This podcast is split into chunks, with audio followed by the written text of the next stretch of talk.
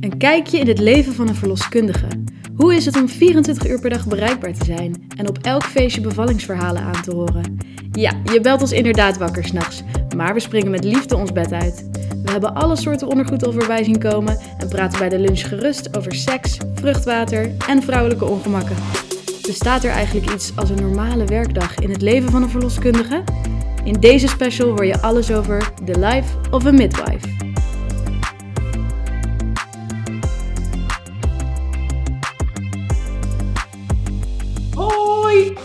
Daar zijn we weer met een nieuwe Live of a Midwife aflevering. Waarin we onze ervaringen, meningen en hersenspinsels weer eens lekker met je gaan delen. Nou, Sol, zitten we weer. Ja, Live of a Midwife aflevering. Vorige eh, keer met Live of a Midwife natuurlijk al even lekker bijgekletst. En eh, gehad over hoe het nu met lef gaat en met groei. En ehm, nu gaan we dan echt een Live of a Midwife opnemen over een echt verloskundig onderwerp. Ja. En ehm, we gaan dat op een iets andere manier doen dan jullie van ons gewend zijn. Nou, we vertelden vorige keer al dat we het hele seizoen anders gingen insteken. Nu weer een verandering. Lekker.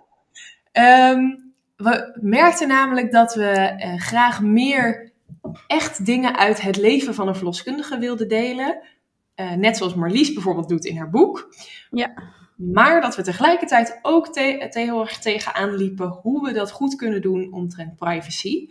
Omdat eh, ja, als je een dienst vertelt of een bevalling vertelt bijvoorbeeld, dan zit je natuurlijk al heel snel dat mensen dat kunnen herkennen. Of dat ze denken, oh nou, dat is net het verhaal wat de buurvrouw mij heeft verteld. Ja, en dat wil je natuurlijk gewoon niet, want je hebt als verloskundige beroepsgeheim en dat houden we ook zeker in ere. Ehm, de concrete verhalen die we in vorige eh, seizoenen hebben verteld, hadden we altijd toestemming voor. Maar omdat we ook gewoon lekker vrijuit willen kletsen, hebben we bedacht om dat voortaan aan de hand van stellingen te doen. Ehm, dus elke aflevering heeft een onderwerp. Net zoals vandaag het onderwerp continuïteit van zorg. Een hot topic in de geboorte ja zeker. moment. Ehm, en eh, ik zal vandaag een soort van de host zijn van de aflevering. En, eh, maar eigenlijk gaan we gewoon lekker kletsen, Solantje. Ja. Nee, maar Geek is de host. We doen elke keer, als je al meer podcasts hebt geluisterd, dan hoor je vaak ook wel dat één iemand de host is.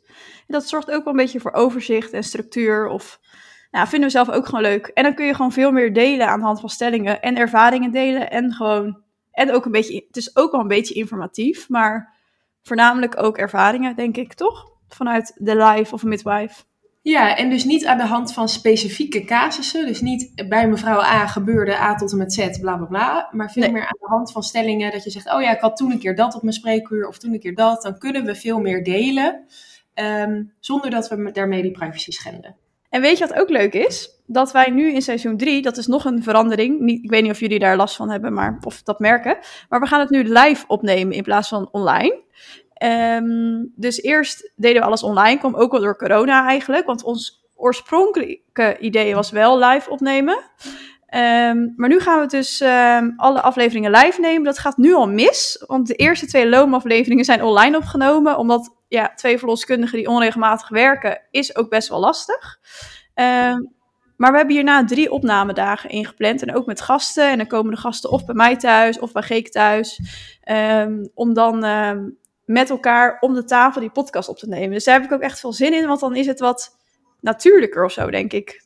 Ja, echt super veel zin in. En eh, het lukt ook allemaal qua planning. En dan kunnen we gewoon echt nou, een rond de tafel gesprek voeren. Ja. Eh, inmiddels waren we er helemaal aan gewend om het online op te nemen. En ging dat ook helemaal prima. Sterker nog, mensen zeiden vaak tegen ons: Huh, nemen jullie dat online op? Dat merk je helemaal niet.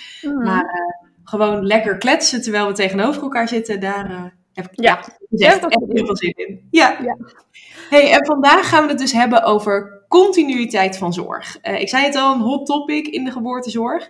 Ehm, maar laten we even beginnen bij de definitie. Wat is nou daadwerkelijk continuïteit van zorg?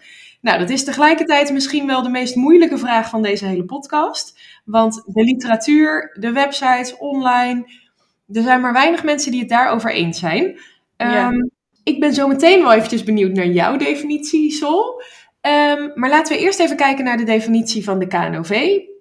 Oftewel de beroepsgroep van verloskundigen. Eh, die heeft continuïteit van zorg ook hoog in het vaandel staan. En heeft in 2020, 2021 daar een nieuw document over opgesteld. En zij schrijven...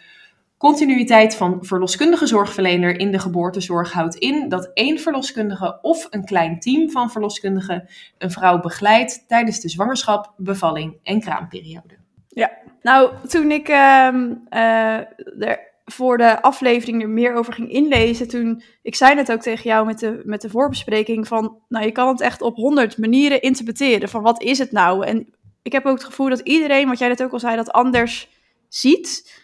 Mhm. Ehm, maar hoe ik het zie, is de- denk ik vooral eh, samen met de vrouw en op gelijkwaardige relatie zorg verlenen. Zeg maar niet, ik ben de zorgverlener, dus ik ben de verloskundige, de kundige die jou komt verlossen. Nee, eigenlijk een beetje zoals een ja, de definitie vroedvrouw. ehm, is dat je samen met iemand eh, begeleiding biedt en wel iemand, ik denk, ik ben er wel van overtuigd dat iemand is die je kent en waar je een persoonlijke band mee hebt. Ik denk wel dat dat, dat natuurlijk, dus dat, dat is eigenlijk ook het woord continuïteit natuurlijk, maar dat dat wel een heel belangrijk aandeel is in hoeverre je iemand goed kent en goed zorg kan verlenen. Dat is denk ik een beetje wat ik. Ja, dus je zegt eigenlijk, ik wil dat de zorg er zo uitziet dat die verloskundige zorgverlener en de vrouw naast elkaar staan. Ja. Eh, en om dat te bereiken heb je eh, nodig dat die twee elkaar goed kennen. Ja, ik vind, ja, nou vind ik wel dat je een vast gezicht, ik denk dat dat wel meer continuïteit biedt en uiteindelijk ook betere resultaten in, in de zorg. Dus, eh, dus geen, mijn visie zal niet zijn dat ik met een praktijk van, een grote praktijk van vijf tot eh, acht verloskundigen ga werken, zeg maar. Nee, maar dat is denk ik ook een beetje de visie van de KNOV. Hij zegt ook dat één Ja. verloskundige of een klein team van verloskundigen een vrouw begeleidt tijdens zwangerschap, bevalling en, eh, en kraamperiode. Ehm, ja, ik ben het dat eigenlijk wel heel erg met je eens. Ehm, ik denk dat dat een grote verschuiving is die je op dit moment eh, aan het zien bent. Wat ik mooi vind om te zien is dat jij eigenlijk eh, meteen vanaf het begin in de opleiding al zoiets had van dit is de manier waarop ik zorg wil verlenen. Ehm, ik wil de vrouw goed kennen, ik wil naast haar staan. Eh, dus dat betekent dat ik kleinschalig werk, dat ik minder cliënten zie, maar dat die cliënten eh, ook minder verloskundigen zien en dat zij de verloskundigen die ze zien dus beter kennen. Ehm, ik, was daar, ik had daar nog minder een visie op toen ik echt in de opleiding zat. En ik ben Mhm. daarin meer gevormd door de opleiding zelf, denk ik. En wat vertelt de opleiding je? Eh, jij bent een verloskundige. eh, je gaat in, een, eh, in de geboortezorg werken. Zorg dat je efficiënt werkt. Zorg dat je goed opgeleid bent. Zorg dat je. Dat gaat heel erg over de verloskundige als de professional. Ja, Ehm, dus ik denk dat wij een ander startpunt hadden toen we afstudeerden, maar dat we nu steeds meer naar elkaar toe groeien. Ja, Eh, dat ik nu ook zie van, oh, maar ik wil helemaal niet die verloskundige zijn die eh, boven de cliënt staat of iets dergelijks. Ik wil heel graag die, die verloskundige zijn die ernaast staat en die samen kijkt wat er nodig is. Ehm, en in het begin hebben wij daar onderling ook nog wel eens wat frictie over gehad of zo. Dat je zegt, ja, maar dit is gewoon mijn visie en waarom zie je dat niet anders? Maar tenminste, zo heb ik dat toen ervaren. ja.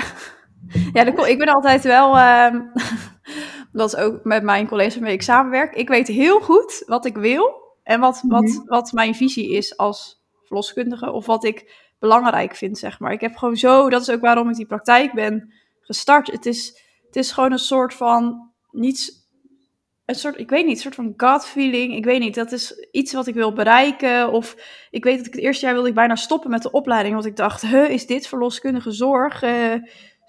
Hè, op deze manier, dat wil ik echt niet. Nee. Ehm, ja, maar dus ik kan me voorstellen dat je dat ik heel eh, strikt daarin in wat, wat ik belangrijk vind. En, eh, en wat ik belangrijk vind, hoeft een ander niet belangrijk te vinden natuurlijk. Hè. Dat, dat, dat vooropgesteld. Maar Absoluut. En het is ook niet zo dat als je niet kleinschalige zorg biedt, dat je dan geen goede zorg nee, levert. hè? zeker niet. Nee. Dat willen we voorop stellen. Maar we gaan het nu hebben over continuïteit van zorg, omdat dat een verschuiving is. En ik merk dus dat jij dat al meteen hoog in het vaandel had staan. En dat ik daar eigenlijk pas vanaf het werkveld meer naartoe ben gaan groeien. Ook Ja. omdat we dus nu bij Zuiver in twee eh, teams van drie werken. Dat ik eigenlijk na een maand al het idee had, oh wat is mijn werkplezier verhoogd. Ik ken mijn cliënten beter, mijn cliënten kennen mij beter. Het mes snijdt aan zoveel extra kanten. Terwijl toen ik afstudeerde had ik geen idee dat dat kon, joh. Nee, nee, maar dat, dat hoor je wel vaker hoor. Dat, dat vind ik ook met, of met Ilja waarmee ik de praktijk heb gestart. Die had dat ook helemaal niet. Of wel in de opleiding had ze dat een beetje. Maar ja, toen ging ze werken. En toen dacht ze, nou, we gaan gewoon zo op de automatische piloot door. Toen dacht ze op een gegeven moment, hé, hey, maar eigenlijk kan het ook heel anders. En dat, dat is wel grappig om te zien hoe je werk uiteindelijk of je ervaring, dat je gaat bedenken, hey, hoe kan ik mijn werkplezier verhogen? Uh, en hoe je ook weer verandert als verloskundige. Doordat je ervaring opdoet dat je denkt, ja, maar dit, eigenlijk vind ik dat helemaal niet leuk. Het kan ook heel anders. En wat wil de vrouw nou? En uh, bla, ja, dat. Ja, en dat is dus interessant. Als je kijkt, wat wil de vrouw nou?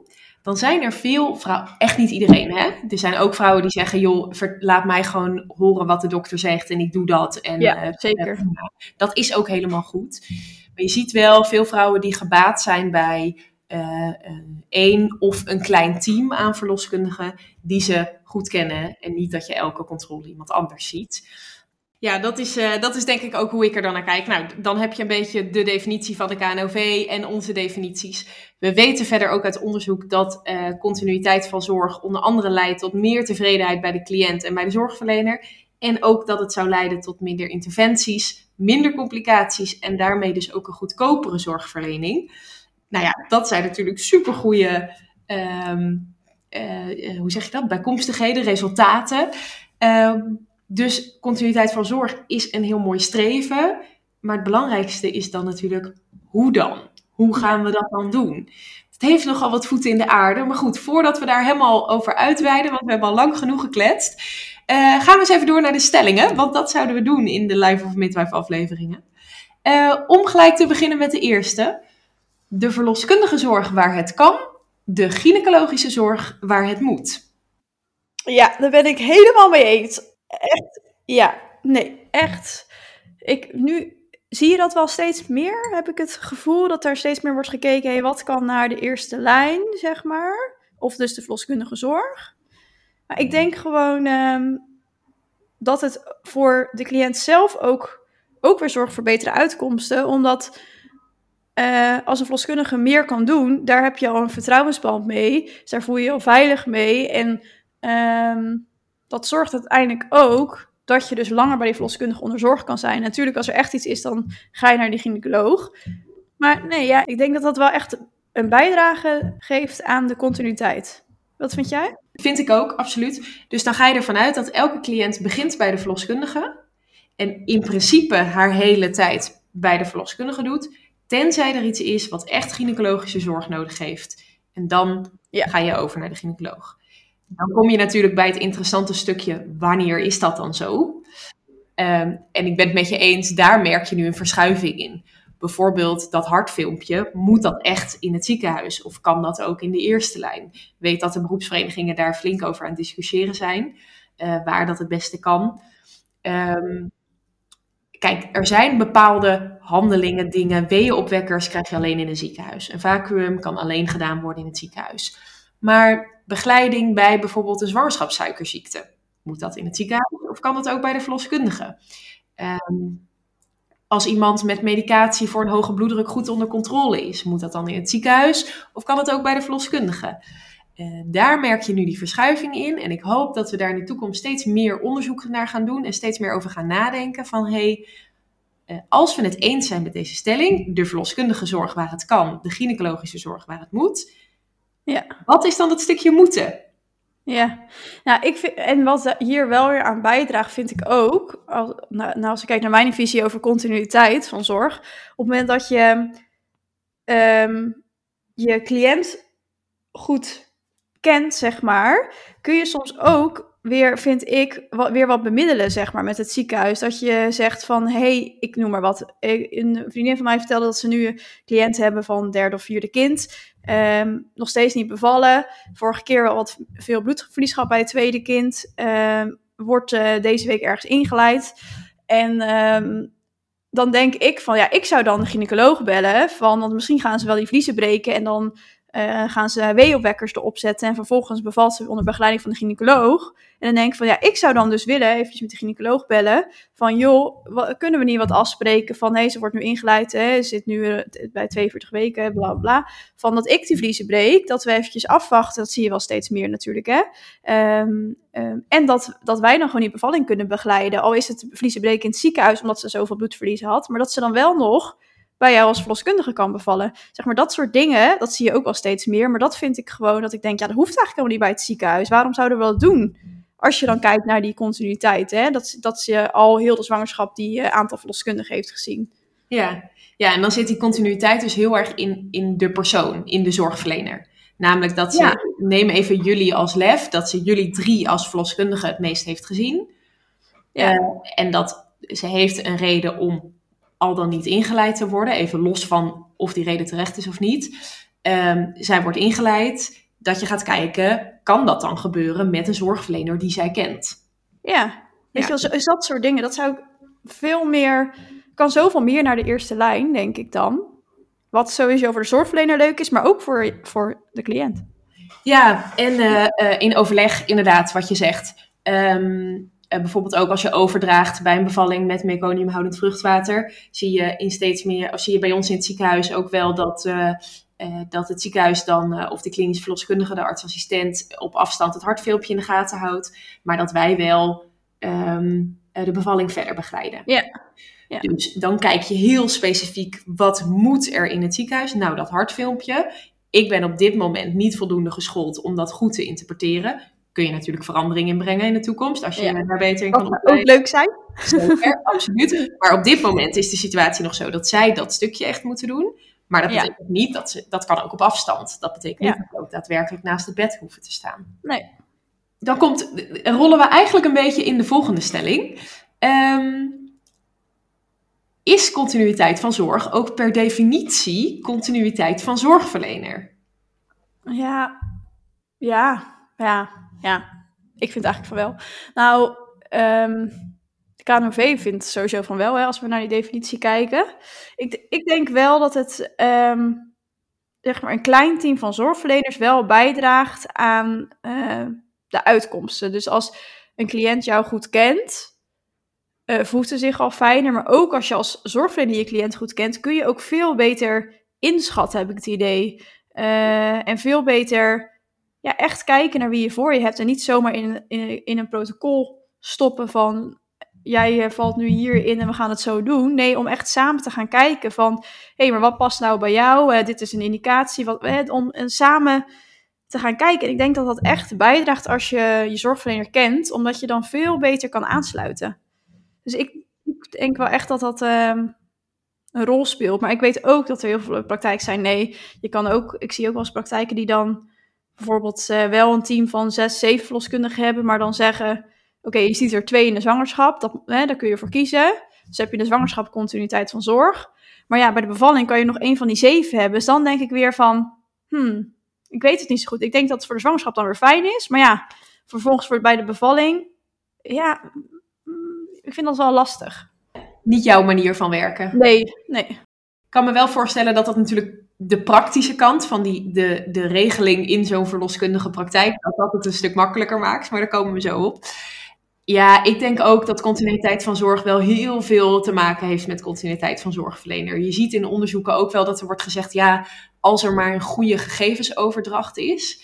Ik ben er wel van overtuigd dat bijvoorbeeld uh, één gezamenlijk patiëntendossier met het ziekenhuis en de eerste lijn heel erg kan bijdragen aan uh, continuïteit van zorg, zonder dat het dan continuïteit van zorgverlener is.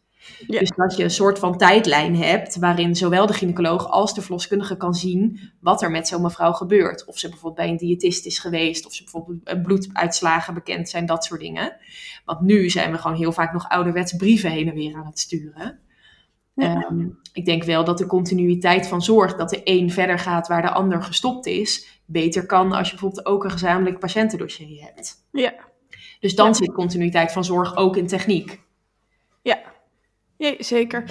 Ja, ik heb wel een praktijk gewerkt waar ik dat ook had. En ik vond dat inderdaad op dat vlak heel fijn. Maar ik vond het ook op heel veel vlakken weer tegenvallen, omdat het wel soms ook weer te medicaliserend werd. Omdat ja, het is gewoon eenmaal zo. Wij worden opgeleid als fysiologische, dus natuurlijke verloskundigen. Maar gynaecologen, die worden heel medisch opgeleid. Dus die zien natuurlijk alle ellende, nou ellende alsof er altijd ellende is. Maar die zien natuurlijk meer ellende. Mm. Wij zien meer het natuurlijke. Dus dat kan soms ook haaks op elkaar staan. Zeker als je in elkaar, bij elkaar in een dossier zit. Wat ik soms ook wel weer negatief vond werken. Dat het juist te veel de medicaliserende kant op ging. En dat er te veel verschuiving naar het ziekenhuis ging. En toen dacht ik weer, ja, dan heb je weer niet die continuïteit van zorgverlening, zeg maar. Nee. Het is best wel lastig van hoe zorg je daarin een balans? Ja. Nou, e- een hapklaar antwoord heb ik niet, maar ik denk dat het Niet? allemaal begint. Nee, niet. Eh, maar dat het allemaal begint met, eh, met de zwangere centraal stellen. En dan heb je het cirkeltje dus eigenlijk weer rond, want eh, dan moet je haar goed kennen. Ja. Om dat te kunnen. En of dat dan een verloskundige is, of bijvoorbeeld een gynaecoloog die een mevrouw veel gezien heeft, dat maakt dan denk ik niet zoveel uit. Alleen denk ik dat, dat we wel weten dat in eh, nou, de ziekenhuizen waar ik in ieder geval heb gewerkt, dat er weinig continuïteit van zorgverlener is. Ja. Mensen elke polieafspraak iemand anders zien. dat degene die ze op de poli zien vaak niet degene is die dienst heeft als ze gaat bevallen. Dus dat die continuïteit van zorgverlener makkelijker te regelen is in de eerste lijn. Ja. Ja. Ja. Ehm, dan komen we zo automatisch in die eerste lijn, tweede lijn eh, eh, situatie. Ook bij de volgende stelling. Waar de gynaecologische zorg begint, eindigt de zorg van de eerste lijns verloskundige. Daar ben ik het niet mee eens. Nee, ik ook niet. Ik denk dat je het wel heel vaak zo ziet. Ja. Stel, iemand ehm, eh, begint de bevalling bij de verloskundige. eh, bij 4 centimeter breken de vliezen. Het blijkt meconiumhoudend vruchtwater. Dus de baby heeft in het vruchtwater gepoept. De eerste lijns verloskundige gaat met de cliënt naar het ziekenhuis. Daar neemt de artsassistent of klinisch verloskundige de zorg over. En de verloskundige gaat naar huis. Ja. Vervolgens gaat, bevalt die mevrouw, eh, heeft ze een baby, gaat ze een dag later zelf ook naar huis. Eh, dan stopt de tweede lijnzorg weer en hop, pakt de eerste lijn hem dan weer over. Ja. Dus dan is het echt een soort van overgeven van een soort estafettestokje van nu ben jij, nu pak ik hem weer terug en nu ben jij weer. Ja. Zonde eigenlijk. Hè? Ik denk dat we daar zoveel meer samen in kunnen doen. Maar de vraag is ook, is dat haalbaar? Ik denk dat dat zal vast ook nog een stelling zijn straks. Maar is het haalbaar om, om dat te doen? Hè? Dat is nog de tweede vraag. Maar je zou zoveel meer samen kunnen doen. Of wat jij als voorbeeld net gaf. Hè? eh, stel poep in het vruchtwater, dus meconiumhoudend vruchtwater. eh, dat wij als verloskundige de bevalling afmaken. Maar de, de arts vanuit een kamer het hartfilmpje in de gaten houdt. Of eigenlijk nog beter, dat wij ook gewoon geschoold worden voor die hartfilmpjes. En dat we dat gewoon zelf kunnen doen. Ehm, ja. Ja. Ik vind het zonde soms. Jij niet? Ja, en ik denk dat het, dat het heel goed naast elkaar kan. Alleen dat het eh, systeem daar misschien nu niet helemaal voor ingericht is. Eh, ook de financiering niet, misschien. Nee. Ehm, nou, anderzijds misschien ook weer wel. Want als je overdraagt halverwege de bevalling, declareer je allebei de bevalling. eh, bij de, zowel de gynaecoloog als de verloskundige. Dus eh, je krijgt er in principe allebei voor betaald. Dus waarom krijg je dan niet, kun je dan niet allebei ook naast die vrouw staan? Ja. Ehm, met eh, ieder in zijn eigen expertise. Dus de verloskundige eh, meer op de begeleidende en, eh, en, en de zorgverlenende kant. En de gynaecoloog met het in de gaten houden van het medische deel. Ja. Ja. Ehm, dus nee, we zijn het niet eens met de stelling waar de gynaecologische zorg begint, eindigt de zorg van de eerste lijns verloskundige. Maar er zijn nog wel veel verbeteringen mogelijk in het systeem om dat ook zo daadwerkelijk te regelen. Zeker, vind ik ook. Maar waarbij ik het wel belangrijk vind om te zeggen dat we wel ook als verloskundigen een soort van de grens in de gaten moeten houden van ons eigen kunnen. Ja. Zeker als we steeds meer naar ons toe gaan trekken. Eh, ik denk dat we eh, meer kunnen en meer kunnen betekenen dan we nu soms doen bij, in situaties die, waar we overdragen. Eh, maar ik word nooit een gynaecoloog. Nee, nee, tuurlijk. Ik vind wel dat er, dat er verschil moet zijn. Eigenlijk hè, die eerste stelling, verloskundige zorg waar het kan en gynaecologisch waar het echt moet. En daar kun je denk ik best wel goed een onderscheid in maken. En ik denk dat er nu heel veel dingen bij de gynaecoloog zijn waarvan ik denk, ja, wat doet de gynaecoloog nou meer dan dat ik nu als verloskundige doe? En, dat, en dan denk ik, ja, dat kan gewoon naar, naar ons. Of dus soort van gezamenlijk, misschien één keer als dat echt nodig is. Maar ja, dat is ook de vraag, is dat echt nodig om bij de gynaecoloog te, eh, te komen? Maar je hoort gewoon heel vaak. Ik, ik geef natuurlijk zwangerschapscursus en hebben- zijn we als mensen die dan naar de tweede lijn of het ziekenhuis gaan in de zwangerschap. En dan, dan hoor je die verhalen en dan denk ik, ja, het is niet dat ik minder zou gaan doen in mijn verloskundige praktijk. Dus dan denk ik, oh, we zouden zoveel meer kunnen verschuiven. Ja, neem bijvoorbeeld het voorbeeld dat iemand ehm, een wat kleiner kindje in de voorgeschiedenis heeft en dat ze eh, een indicatie heeft voor groeiecho's in de tweede lijn. Laten we dan die groeiecho's in de tweede lijn doen en niet de hele zorg in de tweede lijn, omdat ze de groeiecho's in de tweede lijn moet. Dan kijk je echt specifiek wat mij betreft naar dat stukje wat moet er in de tweede lijn? Wat, welke gynaecologische zorg is noodzakelijk? Die echo. En de zorg verder in de eerste lijn. Dan, ja, sorry, ik ben kritisch, maar de vraag is ook nog eens, moet dat echt in de tweede lijn? Helemaal met je eens, maar dat is een discussie aan zich. Oké, ik zal er niet over beginnen. Wij doen in de eerste lijn. ik ben het met je eens. Ik ben het helemaal met je eens. Maar ehm, ik denk dat dat een voorbeeld is van uh, dat soms ja, iemand helemaal wordt overgenomen, terwijl er maar voor een heel klein stukje uh, extra hulp nodig is. Ook bijvoorbeeld bij zwangerschapssuiker, dat ze dan naar een tweede lijns diëtiste moet, terwijl die suikers ook bij een eerste lijns diëtiste goed onder ja, Zeker. Ja. En dan hebben we het even, want nu lijkt het alsof we heel kritisch zijn op die tweede lijn, et cetera. We hebben het er niet over dat, dat een vrouw dan geen goede zorg krijgt in de tweede lijn. Hè? Want dat, dat krijgt ze 9 van de 10 keer hartstikke goed, wordt ook daar heel goed voor gezorgd. Alleen ook om de zorg betaalbaar te houden, um, is het interessant om te kijken, kunnen we echt de verloskundige zorg waar het kan, de gynaecologische zorg waar het moet? Ja, ja, nee, dat zeg ik ook altijd. Het wordt soms dat je denkt als ik in het ziekenhuis kom, dan kom ik echt bij hyena's terecht. En dan wordt er niet naar me geluisterd en dat allemaal. En dat is natuurlijk niet zo. Zeker als je het aangeeft wat je belangrijk vindt en dat soort dingen. Maar ik ben er wel van overtuigd dat wij als verloskundigen veel meer kunnen doen. En dat het voor cliënten veel prettiger is bij een verloskundige praktijk, waar gewoon die persoonlijkheid, die persoonlijke zorg ook veel meer is, dan in een ziekenhuis. Want we kunnen niet veranderen dat daar ehm, de dokter achter de computer zit en hoi, gaat het even snel en je bent weer weg. Ja, dat, dat is wel hoe het is. En ja, dat, is natuurlijk met een verloskundige praktijk gewoon heel verschillend.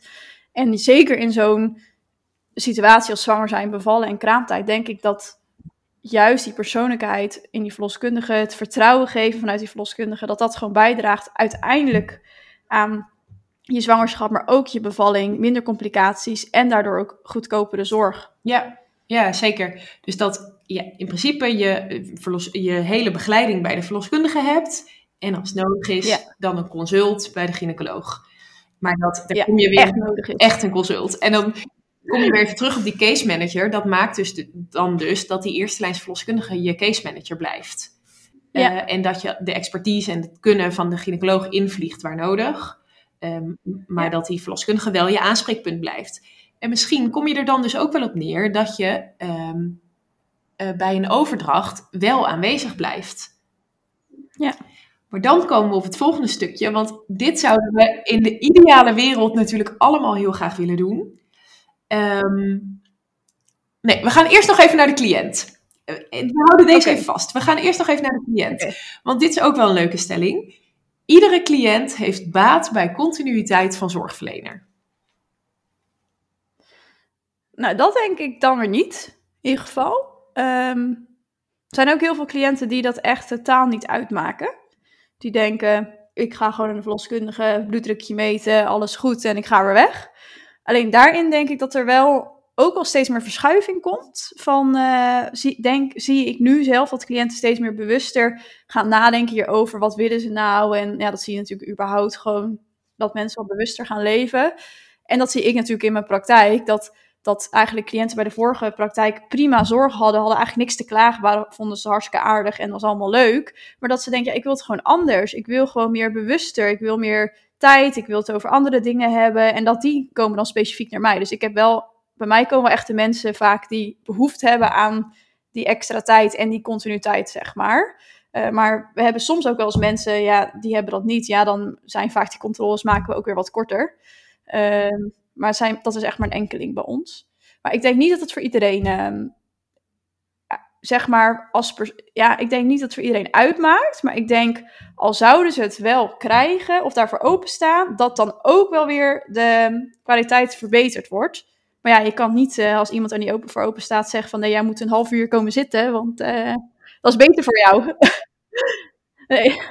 Um, nee, ja, ik denk dus dat wel iedere cliënt hier baat bij heeft. Maar dat precies wat jij zegt, uh, niet iedere cliënt dit nog weet. Nee, dat is het ook. Ja. Ik, ja, ik denk dat iedere cliënt baat heeft bij continuïteit van zorgverlener. Um, maar dat nog niet iedereen er behoefte aan heeft. Nee, dat is het. Ja. Dat denk ik. Ja. Ja, dat sommige mensen ook niet weten dat het anders kan. Ehm, en ook als het je echt niks uitmaakt, wat natuurlijk helemaal prima is. ehm, eh, nou, dan maakt het je niet uit wie je voor je hebt, et cetera. Dat het dan nog zou schelen als je drie mensen zou zien, in plaats van dat je acht mensen zou zien. Ja. Ook Nee, zeker. Dus heeft iedereen er behoefte aan? Nee. Zou iedereen er baat bij hebben? Ja, denk ik wel. Ja. Ehm, maar, en als je die, dat eh, team aan geboortezorgverleners, zeg maar, eh verloskundige zorgverleners, kleiner maakt, is het dus wel belangrijker dat je iemand vindt die bij jou aansluit. Dat er drie mensen zijn met wie je goed kan sparren. Kijk, zijn het er acht en Ja. zitten er twee tussen waarbij je denkt, nou, daar heb ik even wat minder mee, is dat ook niet heel erg. Dat moeten er niet twee van de drie zijn. Nee, dat is ook zo. Maar ook wel, wij hadden ook wel, was dan onze buurtpraktijk, hebben er vijf of zes. En dan horen we nu van, ja, ik vond er echt twee of drie helemaal niet fijn. En dan dacht ik echt elke keer dat zwangerschap ook, ik hoop echt niet dat ik die heb. Dan denk ik, ja, dat moet eigenlijk ook niet Nee, zo zijn natuurlijk. Maar wat vind jij, wat is klein? Hoeveel verloskundige is nog klein? Of is dat ook een stelling? Nee, dat is geen stelling, maar dat is wel een goede vraag. Ehm, ja, dat is dus, vind ik, een wankel evenwicht tussen wat is klein voor de cliënt en wat is haalbaar in de praktische uitvoering van de verloskundige zorg. Ehm, Wij werken dus nu in teams van drie. Dat is in de zomerperiode echt een uitdaging. Dus we gaan denk ik na de zomer naar teams van vier misschien wel. Ehm, we hebben nu nog niet besloten hoor, maar ik zou het me zo voor kunnen stellen. Ehm, drie vind ik klein. Vier is op het randje. Ja. Ja, ik denk dat het bij drie zorgverleners echt mogelijk is om ze alle drie goed te kennen in de zwangerschap. Ehm, idealiter misschien nog wel minder. Alleen als ik dan kijk naar mijn persoonlijke leven, eh, ik zou het niet zien zitten op dit moment in mijn leven. Misschien is dat later anders. Ik zou het niet zien zitten om nu in mijn eentje de hele week te moeten vullen. Of om met z'n tweeën Nee. de hele week te moeten vullen. Want als er dan iemand uitvalt, dan heb je nog maar één iemand over. Dus drie is daarin een mooie middenweg. Minder kwetsbaar, Ja. eigenlijk. Waardoor je dus ook meer continuïteit van zorg kan bieden. Want ben je met z'n tweeën en er valt iemand uit, is de kans dat je een buurpraktijk of iets dergelijks nodig hebt. eh, alleen maar Ja. weer groter. Of een externe waarneemster die iemand dan weer niet kent. Ja. Dus dat minder kwetsbaar zijn, komt die continuïteit uiteindelijk ook wel weer ten goede. Ja, nee, dat vind ik ook. Dat je daarin gewoon niet zoveel wisselingen hebt. Want anders heb je elke keer als er een vakantie is, toch weer extra mensen. Maar ik vind het wel lastig hoor. Ik vind, nee, waarschijnlijk komen we dan een beetje op de volgende stelling. Dat ik, ik vind twee, zou, vind ik echt heel leuk en fijn. Maar dat is, ik heb dat nu ook in de praktijk gezien en ook al in mijn stages. Ik vond dat gewoon, eh, de werkdruk gewoon veel te hoog. Daarvoor, omdat je dan superveel moet werken. En zeker als je, ik kies er dan voor om spreekuren buiten de dienst te doen, omdat ik het ook heel vervelend vond in mijn stages dat ik spreekuur aan het doen was en dat continu die telefoon afging. Dan zit je ook niet, vind ik ook weer eigenlijk geen continuïteit van zorg dat je dan, ja, komt, ja, heel tijd die telefoon afgaat. Weet je, wij kunnen dan niet makkelijk weer aan iemand anders even overschakelen of zoiets. Ja. Eh, ehm, dus eh, dus da- daardoor vind ik met z'n drieën fijn. Maar ik merk nu wel, als bijvoorbeeld als er vakanties zijn, en dat zijn er ook al 12 weken, of nee, 18 weken per jaar, dan dat je dan met z'n tweeën moet werken, dan is het natuurlijk weer 18 weken best wel veel en pittig om dat te doen. Dus dan denk je van ja, wat moet je dan? Hè? Moet je dan wel met z'n vieren gaan werken? Of moet je dan beter in twee teams van drie en dat je dan voor elkaar achterwacht bent? Ik vind dat best wel lastig. Van ja, ik wil die persoonlijke zorg houden, maar ik wil het ook voor mezelf. Ik moet ook zelf vol kunnen houden. Dus dat vind ik wel een dingetje. Ja, en dat, eh, de- daarin ligt denk ik ook heel erg het, het, het vraagstuk hoeveel cliënten neem je aan? Ja. Ehm, want stel dat jij drie uitgerekende dames per maand zou hebben, dan is eh, met z'n tweeën de maand vullen helemaal prima. Want dan hoef je veel Ja. minder spreekuur te doen, want je hoeft maar drie mensen te zien. Nou ja, iets meer, want die eh, dames van later moet je natuurlijk ook nog even zien. Ehm, Ja. en je hebt maar drie bevallingen in een maand met z'n tweeën. Ja. Maar we Ja. krijgen in de, verlos, in de verloskunde ehm, per zorgeenheid, dus per zwangere, per bevalling, per kraamtijd betaald. Niet aan de hoeveelheid zorg die je levert. Ehm, dus dat betekent drie zwangeren eh, of drie zorgeenheden in een maand, daar kun je niet met z'n tweeën van rondkomen. Nee. Dus je moet eigenlijk, om je praktijk gezond te houden, moet je meerdere zorgeenheden hebben. Maar dan wordt het misschien weer te druk, waardoor je het niet met z'n tweeën kan gaan doen. Dus dat, dat blijft een wankel evenwicht. ik ben eigenlijk wel benieuwd of er echt een verschil zou zijn tussen één, twee of drie verloskundigen. Volgens mij zijn de onderzoeken die er tot nu toe zijn, dat het, dat het qua uitkomsten, echt medische uitkomsten, niet uitmaakt. Eén caseload verloskundige of een klein team van drie verloskundigen. Ja, of vier ook, hè? Volgens mij stond Oh, in de kamer. Vier misschien wel, ja. Ja. Ehm, maar hoe dat zit qua beleving van de cliënt, weet ik eigenlijk niet goed. Ben ik wel nieuwsgierig Nee. naar. Er zijn wel onderzoeken dat, dat cliënten meer tevreden zijn als ze meer continuïteit hebben. Dus meer die persoonlijke aandacht, zeg maar persoonlijke zorg. Maar ik, het, het, ik denk dat het niet, of dat echt inderdaad wat jij zegt, aan die aantal verloskundigen ligt. Of dat het ligt aan de extra tijd, net die persoonlijke touch. Of net de, dat, dat ze echt het gevoel hebben dat er een case manager is van die drie of vier. Dat, dat, zeg maar, die verschillen, dat weten we niet. Nee, en zeker als je dan ook kijkt naar het totaal aantal zorgverleners. Want we hebben het dan nu wel over drie of vier verloskundigen. Eh, maar stel dat je daar de kraamverzorgster, ehm, eh, de verpleegkundige van het eh, consultatiebureau, ehm, degene van het eh, kraamzorgbureau die de intake doet, bijrekent. Eh, de artsassistent die ze, die ze een keertje ziet bij een consult omdat ze de baby minder voelt bewegen. Eh, de gynaecoloog die ze ziet omdat ze bij de bevalling wordt overgedragen omdat de baby in het vruchtwater heeft geboekt. Hop, dan heb je al vijf zorgverleners erbij. Dus dan zit je niet Ja. meer op drie, maar dan zit je gelijk op acht. Terwijl als Ja. die verloskundige daarbij zou blijven, ehm, dan kunnen die andere mensen wel aankomen vliegen, zeg maar, en weer gaan. Maar dan hou je één of drie aanspreekpunten. Ja. AK, de case manager. Het cirkeltje is weer rond. We moeten deze podcast opsturen naar de zorgverzekeraars. nou, volgens mij zijn ze al heel hard aan het lobbyen en aan het doen en eh, dat dit goed zou zijn. Ja. Ja, maar het, eh, stel nou dat het voor de cliënt niet uit zou maken. Hè? Vier verloskundigen of één, twee. Stel dat dat echt in beleving en in- uit onderzoek komt dat het niet uitmaakt. Dan zou het voor het haalbaar en het werkbaar maken voor de verloskundige zorg vier natuurlijk veel makkelijker zijn. Ja. Ja, dat zou, ik- dat zou ik perfect vinden. Dat je in vakanties werk je met z'n drieën. Ehm, of in een verlof of zo van iemand werk je met z'n drieën. En anders is het, eh, is het met z'n vier. Dat je één vast... Of dat je dus een vast team van drie en één vaste collega hebt... die alle vakanties, verlof en dat soort dingen opvangt. Ja. Ja. Zoiets. Ja, het is ook... Ja, ik, maar het is gewoon lastig, want je... Je moet gewoon een balans zoeken en je wilt, wilt voor de cliënt goed doen. Maar ja, wat is goed voor de cliënt? Mhm. Er is maar één iemand die dat Eh, weet en dat is de cliënt zelf. En dat verschilt Ja. dan ook nog eens per zwangere. Ja, ja, dat ook nog eens. En je wilt, en je wilt het ook voor jezelf gewoon fijn hebben. Dat heb ik natuurlijk, daar hebben we al eens vaker over gehad in de podcast. Dat ik eh, lekker overwerkt was en te veel ging doen, te veel hooi op mijn vork. En voor mij is het echt belangrijk dat ik echt een goede balans heb tussen werk en privé. En dus ook vrije dagen. En zeker met een eigen bedrijf. Mhm.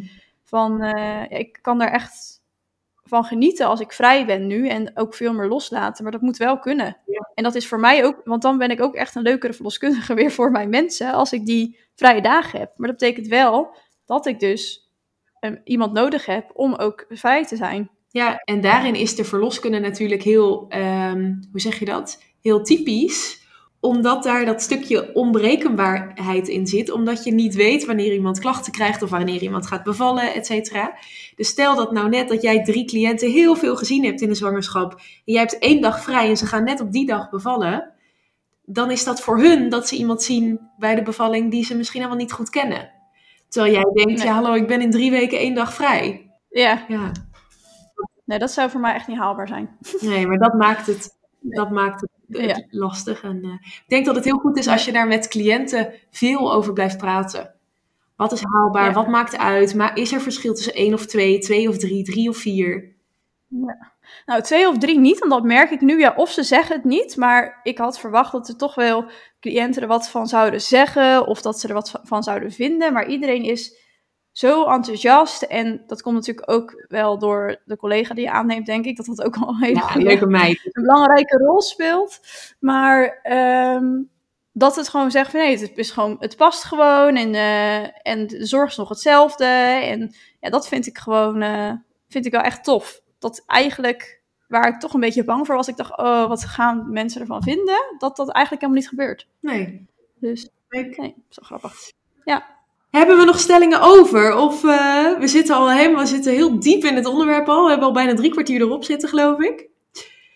Wel leuk. Ik ben wel benieuwd als je nu luistert en je denkt: uh, Oh, ik heb hier als cliënt of als uh, huidig zwangere, of misschien ben je, ben je net moeder geworden. Ik heb hier een mening over hoeveel verloskundigen uh, ik wel fijn vind, hoeveel ik niet fijn vind, et cetera. Reageer dan vooral.